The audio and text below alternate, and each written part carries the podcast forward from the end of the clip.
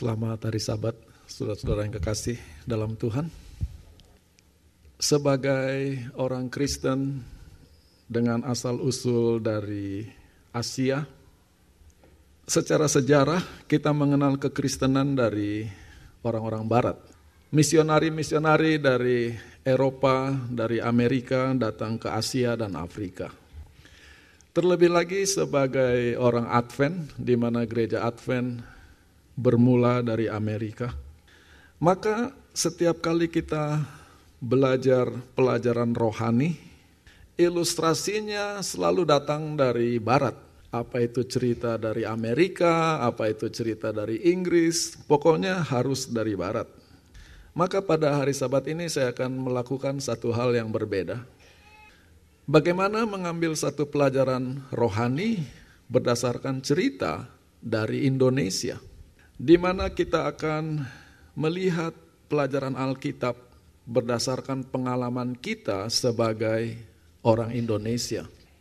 Di Amerika dan 75 negara lainnya, Mother's Day itu dirayakan pada bulan Mei.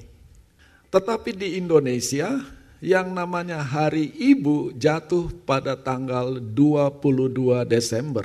Jadi hari Selasa yang lalu, tanggal 22 Desember di Indonesia adalah Hari Ibu. Pertanyaannya, kenapa?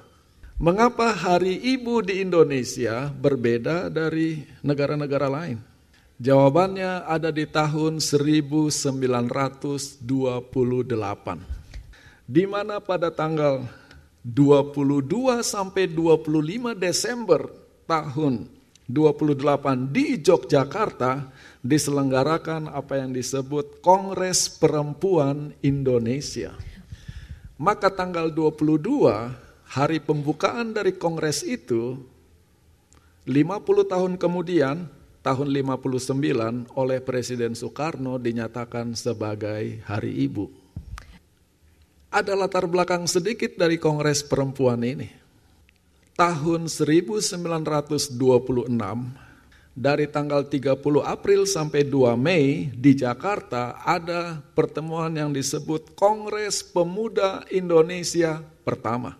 Dua tahun kemudian, tanggal 27 dan 28 Oktober di Jakarta diselenggarakan Kongres Pemuda Indonesia yang kedua. Dan dalam penutupan kongres itu tanggal 28 Oktober 1928 disebutkan apa yang disebut sebagai Sumpah Pemuda. Maka melihat pemuda sudah bergerak, perempuan tidak mau kalah, bulan Desember mereka bertemu untuk menyelenggarakan kongres perempuan. Dan situasi ini membawa kita kepada dua pertanyaan. Kalau yang bertemu itu adalah kongres perempuan, kenapa jadinya hari ibu bukan hari perempuan? Lebih jauh lagi, melihat latar belakang ini, Indonesia mengalami kekacauan sejarah. Hari Ibu tanggal 22 Desember berbeda dari Mother's Day di Amerika. Di Amerika hari ibu adalah hari untuk menunjukkan rasa terima kasih kepada ibu. Sementara di Indonesia, hari ibu adalah konfirmasi bangsa Indonesia bahwa perempuan mempunyai peranan penting dalam kemerdekaan Indonesia. Maka hari ibu di Indonesia lebih merupakan suatu peringatan peranan perempuan di dalam pembangunan bangsa. Dan itulah sebabnya terjadi pergeseran dari perempuan jadi ibu. Siapa yang membuat pergeseran ini? Perempuan jadi ibu. Orang yang namanya Raden Ajeng Kartini. Nama dia sebetulnya Kartini dalam bahasa Inggrisnya Raden Ajeng Her Royal Highness itu sebetulnya.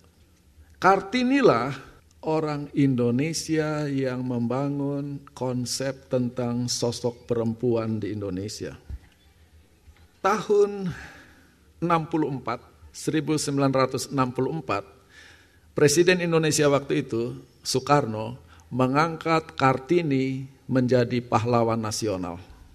Sejak tahun 64 sampai sekarang, status Kartini sebagai pahlawan selalu dipertanyakan dan dipersoalkan. Karena bagi sebagian besar orang, dia tidak layak jadi pahlawan. Dia tidak pernah berjuang mengangkat senjata mengusir Belanda. Dia tidak pernah memegang jabatan penting. Dia hanya seorang wanita biasa. Dan adalah aneh ketika Wage Rudolf Supratman menciptakan lagu Ibu Kita Kartini. Karena Kartini sebetulnya tidak pernah jadi ibu-ibu. Dia meninggal umur 25 tahun. Kalau sudah lihat wanita umur 25 itu masih remaja sekarang. Karena yang 40 pun masih bergaya remaja apalagi yang cuma umur 25. Enggak, saya katakan itu karena ada konsep 40 is the new 20. Jadi umur 40 sekarang itu zaman dulu itu umur 20. Jadi umur 25 masih anak kecil. Apa modal Kartini sampai dia diangkat jadi pahlawan nasional? Tulis surat. Dengan modal menulis surat, isi suratnya itu yang membuat dia diangkat menjadi pahlawan bangsa. Di dalam surat-surat Kartini, dia membahas tentang pentingnya pendidikan bagi wanita Indonesia dan emansipasi bagi wanita Indonesia. Kalau saudara membaca surat-surat Kartini, isinya hebat sekali. Cita-citanya begitu tinggi untuk perempuan Indonesia. Tetapi kalau saudara melihat hidup Kartini, hidup yang dijalaninya sangat berbeda dari isi surat-suratnya. Pada zaman itu, perempuan-perempuan di Jawa ketika memasuki usia remaja, mereka disimpan atau yang disebut dipingit. Siap-siap untuk kawin, nanti umur 17, 18 kawin. Kartini umur 13 dipingit. Dia menggunakan masa pingitannya untuk belajar. Begitu sibuk dia belajar, didukung oleh ayahnya sampai umur 24 dia belum kawin-kawin, belajar terus. Harusnya dia mendapat scholarship untuk sekolah ke Jakarta dari Jepara. Untuk sekolah menjadi guru. Gantinya dia menerima scholarship dan bersekolah, dia pilih kawin. Perkawinannya ini sangat mengecewakan para sahabat-sahabatnya di Belanda dan di Eropa. Kenapa? Dan perkawinannya ini yang membuat orang mempertanyakan kepahlawanan Kartini. Pria yang dikawininya umurnya 26 tahun lebih tua dari dia. Jadi seorang usia 50 menikah dengan seorang wanita umur 24. Bukan hanya itu, bapak ini sudah punya tiga istri. Kartini adalah istri keempat. Dan dari tiga istri orang ini sudah punya 12 anak. Melihat Kartini yang begitu cerdas, yang cita-citanya begitu tinggi, orang heran kenapa akhirnya dia menyerah kepada praktek zaman itu. Dia menikah umur 24, kemudian hamil. Dia melahirkan seorang anak laki-laki, namanya Susalit Joyo Adiningrat. Dalam melahirkan dia mengalami pendarahan, empat hari setelah melahirkan dia meninggal. Jadi dia tidak pernah jadi ibu. Maka aneh kita menyanyi ibu kita Kartini. Jadi bagaimana seorang perempuan yang ternyata menyerah kepada keadaan, mati umur 25 waktu melahirkan diangkat jadi pahlawan. Beberapa tahun lalu, dua tiga tahun lalu, para sejarawan Indonesia membahas tentang peranan Kartini. Dan ada seorang sejarawan namanya Hilmar Farid dia memberi penjelasan yang menarik tentang Kartini. Hilmar Farid mengatakan, untuk mengerti Kartini kita harus mengerti keadaan zaman itu. Lalu Hilmar Farid mengutip atau meminjam teori yang digunakan oleh sejarawan India yang namanya Partha Chatterjee. Parta Katerji menulis buku judulnya The Nation and Its Fragments.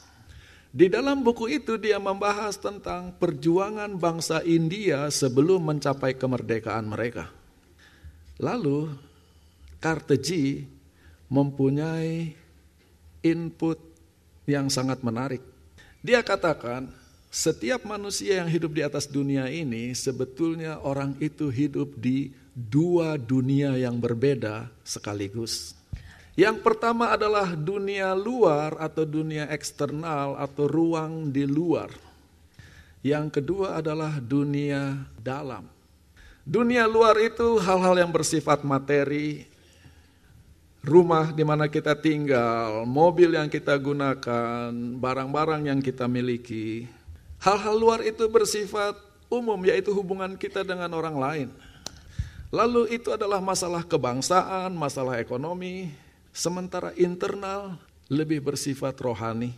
Itu lebih bersifat pribadi. Ada dalam ruang lingkup keluarga, gantinya orang banyak, dan itu berkaitan dengan budaya. Maka sekarang ini yang terjadi. Sementara orang India secara dunia luar masih dijajah Inggris, mereka belum merdeka. Secara internal, secara pribadi, mereka adalah manusia-manusia merdeka. Secara rohani, secara cara berpikir, mereka merdeka. Kenyataan politik, mereka adalah jajahan. Dan ini jadi penting menurut Katerji. Yaitu yang namanya kemerdekaan politik itu hanya menunggu kesiapan kemerdekaan pribadi. Bahkan sebaliknya, negara boleh merdeka secara politik, tetapi kalau rakyatnya masih mental jajahan semua, negara itu belum siap untuk maju. Di dalam konteks inilah maka surat-surat Kartini menjadi sangat penting. Secara luar, dia tidak punya pilihan dia harus menikah seperti yang orang tuanya mau. Dia diisolasi, dipingit seperti kebiasaan zaman itu. Tetapi situasi luar tidak mencegah dia menjadi manusia bebas di dalam hati dan pikiran dan jiwa. Dan Bung Karno adalah seorang yang sangat cerdas. Dia katakan Indonesia yang merdeka hanya bisa maju kalau setiap penduduknya seperti Kartini, pikirannya maju jauh ke depan, walaupun kenyataan hidup di sekitar belum sebaik yang diharapkan. Dan itulah sebabnya Bung Karno mengajak mengangkat Kartini menjadi pahlawan. Dan bagi Kartini, sebelum dia menikah, posisi tertinggi seorang wanita adalah sebagai ibu. Di dalam suratnya dia menulis kalimat berikut ini. Perempuan adalah pembawa peradaban. Orang beradab atau tidak tergantung perempuan yang membesarkan mereka. Karena dari perempuanlah orang menerima pendidikannya yang pertama. Di pangkuan seorang perempuan, anak belajar merasa, berpikir, dan berbicara. Dan saya, Kartini, semakin sadar bahwa pendidikan dini punya arti yang sangat penting untuk kehidupan seterusnya. Kalau saya tidak kasih tahu kepada saudara bahwa ini tulisan Kartini, saudara kira ini kutipan Ellen White. Ellen White yang sama dalam buku Rumah Tangga Advent mengatakan pentingnya peranan ibu dalam mempersiapkan anaknya untuk dunia yang akan datang. Itulah sebabnya Walaupun pada tanggal 22 Desember tahun 1928 yang bertemu adalah Kongres Perempuan, yang dirayakan adalah Hari Ibu karena masa depan Indonesia ada di tangan para ibu. Itulah sebabnya menjadi ibu sangat penting. Dan ini menjadi Sangat penting bagi kita memahami dua dunia di mana kita sedang hidup. Dunia luar di mana kita tidak punya kuasa untuk mengkontrolnya. Contoh di Amerika. Kalau sudah lihat homeless di downtown Los Angeles, mereka itu citizen semua itu. Bahasa Inggris mereka lancar sekali. Di sisi lain ada orang-orang yang undocumented, bahasa Inggris patah-patah tapi mereka bisa bekerja, membiayai keluarga. Sekarang siapa yang lebih merdeka? Kualitas dalam manusia jauh lebih penting dari kenyataan luarnya. Dan itu perlu dirawat dan dibangun. Itulah kepahlawanan Kartini membuka pikiran orang Indonesia bahwa mengurus dalam hati dan jiwa manusia sama pentingnya dengan menjadi pahlawan dengan mengangkat senjata. Saya ingat pendeta Tommy Mambu, dia selalu punya cerita tentang hari kemerdekaan tanggal 17 Agustus. Yang berjalan paling depan selalu adalah pahlawan kemerdekaan. Di mana ini adalah anak-anak muda zaman itu yang mengangkat senjata melawan Belanda. Tapi karena modal mereka jadi pahlawan cuma angkat senjata, 17 Agustus barisnya bengkok-bengkok semua karena seumur hidup nggak pernah baris, modalnya cuma pernah angkat senjata. Menjadi manusia disiplin, menjadi manusia terdidik, menjadi manusia beradab jauh lebih mahal daripada mengangkat senjata dan tembak-tembak Belanda. Apalagi sekarang, di mana pembangunan diukur dengan gedung-gedung yang dibangun, berapa uang yang dimiliki, bagian kualitas dalam manusia terabaikan di Indonesia. Dan ini membuat Kartini selalu relevan. Sekarang sudah bisa lihat pelajaran rohani yang bisa kita petik dari Kartini.